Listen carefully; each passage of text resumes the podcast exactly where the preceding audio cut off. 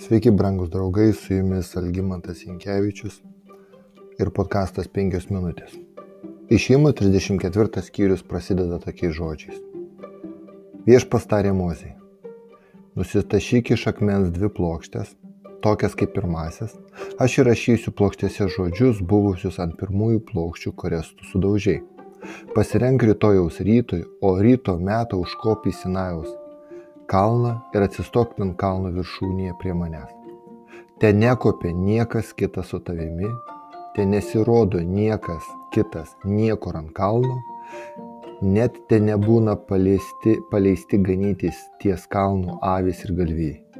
Tada Mozė atsikėlė, atsiprašau, atsiskėlė iš akmens dvi plokštės, tokias kaip pirmasis, ir atsikėlęs anksti rytą pakilo kopti į Sinajaus kalną, nešinas dviem akmens plokštėmis, kaip viešpas buvo jam įsakęs. Nužengęs debesyje, viešpas buvo ten su juo ištarė savo vardą - viešpats. Ir viešpas praėjo pro jį tardamas, viešpats, viešpats, esu galestingas ir maloningas Dievas, lėtas pykti, gausus gerumo ir ištikimybės lydintis gerumu ligi tūkstantosios kartos, atleidžiantis kaltę nusižengimą ir nuodėmę, tačiau nepaliekantis kaltųjų be bausmės, bet baudžiantis už tėvų kaltę vaikus ir vaikų vaikus lik trečios ir ketvirtos kartos. Mozė taip pat nusilenkė lygi žemės ir pagarbino. Po įvykusio Izraelio tautos nusikaltimo aukso veršio pasidarimo ir jo garbinimo, dieviškojų nurodymų susitikimų palapinė, kuri tarnavo kaip laikina garbinimo vieta, buvo išimta iš stovyklos. Ir dabar jau už Izraelio stovyklos ribų Dievas ir Mozė kalbasi apie tolimesnius kabutėse veiksmus.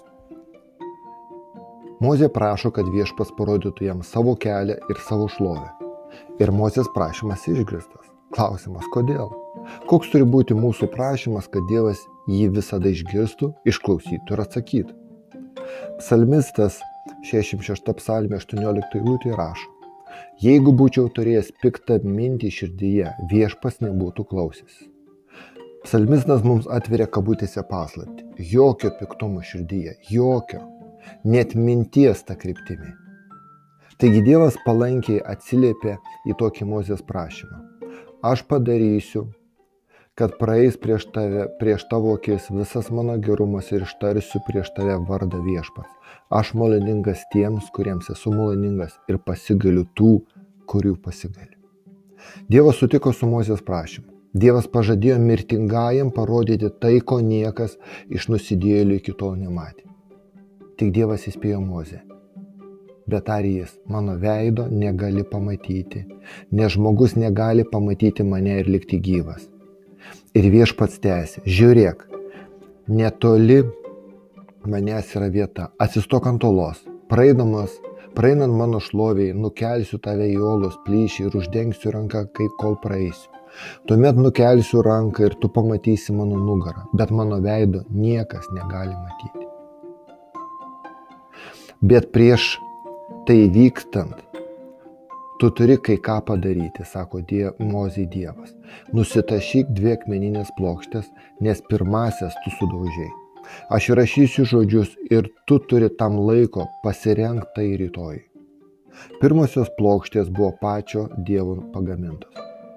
Iš, iš išėjimo 32 skyrių 16 eilutė. Plokštės buvo Dievo darbas, o raštas Dievo raštas įreštas plokštėse. Pakartoto įstatymo dešimtas skyrius nuo pirmos iki ketvirtos eilutės aiškiai parodo, kad Dievas parašė antrasias ir pirmasias plokštės ir kad ten buvo parašytas dešimt įsakymų. Įsakymai į akmeninės plokšteles. Toliau Dievas nurodo, kad ne vienas žmogus ar galvijo negali būti ant kalno.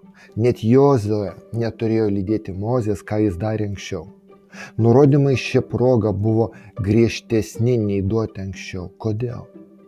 Viešpas uždraudė bet kurį žmogų būti kalnė dėl jų neseniai įvykdytų nusikaltimų, kad jo, šlo, jo šlovė jų nesunaikintų. Tai leido visiems suprasti, kaip Dievas vertina savo įsakymų pažeidimą. Brangus draugai, kai Dievas sukūrė žmogų pagal savo paveikslą, moralinis Dievo įstatymas buvo įrašytas jo širdise. Dievo pirštu bei išorinių priemonių. Kadangi per nuodėmę buvo sulaužyta sandora su žmogumi, Viešpats naudojo žmonės tiek rašydamas įstatymą šventajame rašte, tiek rašydamas per visokius darbus, kabutėse, rašydamas jį žmonių širdyse. Net pagal Kristos Evangeliją moralinis įstatymas ir toliau galioja tikintiesiems. Kristus mus atpirko iš įstatymo parkeikimo. Jis net pirko mūsų iš, iš jo įstatymų. Tai didelis esminis skirtumas. Ir geriausias nuodėmės atleidimo ir taikos su Dievu įrodymas yra įstatymų įrašymas mano ir tavo širdyje. Su jumis buvo penkios minutės ir Algymantas Jankievičius.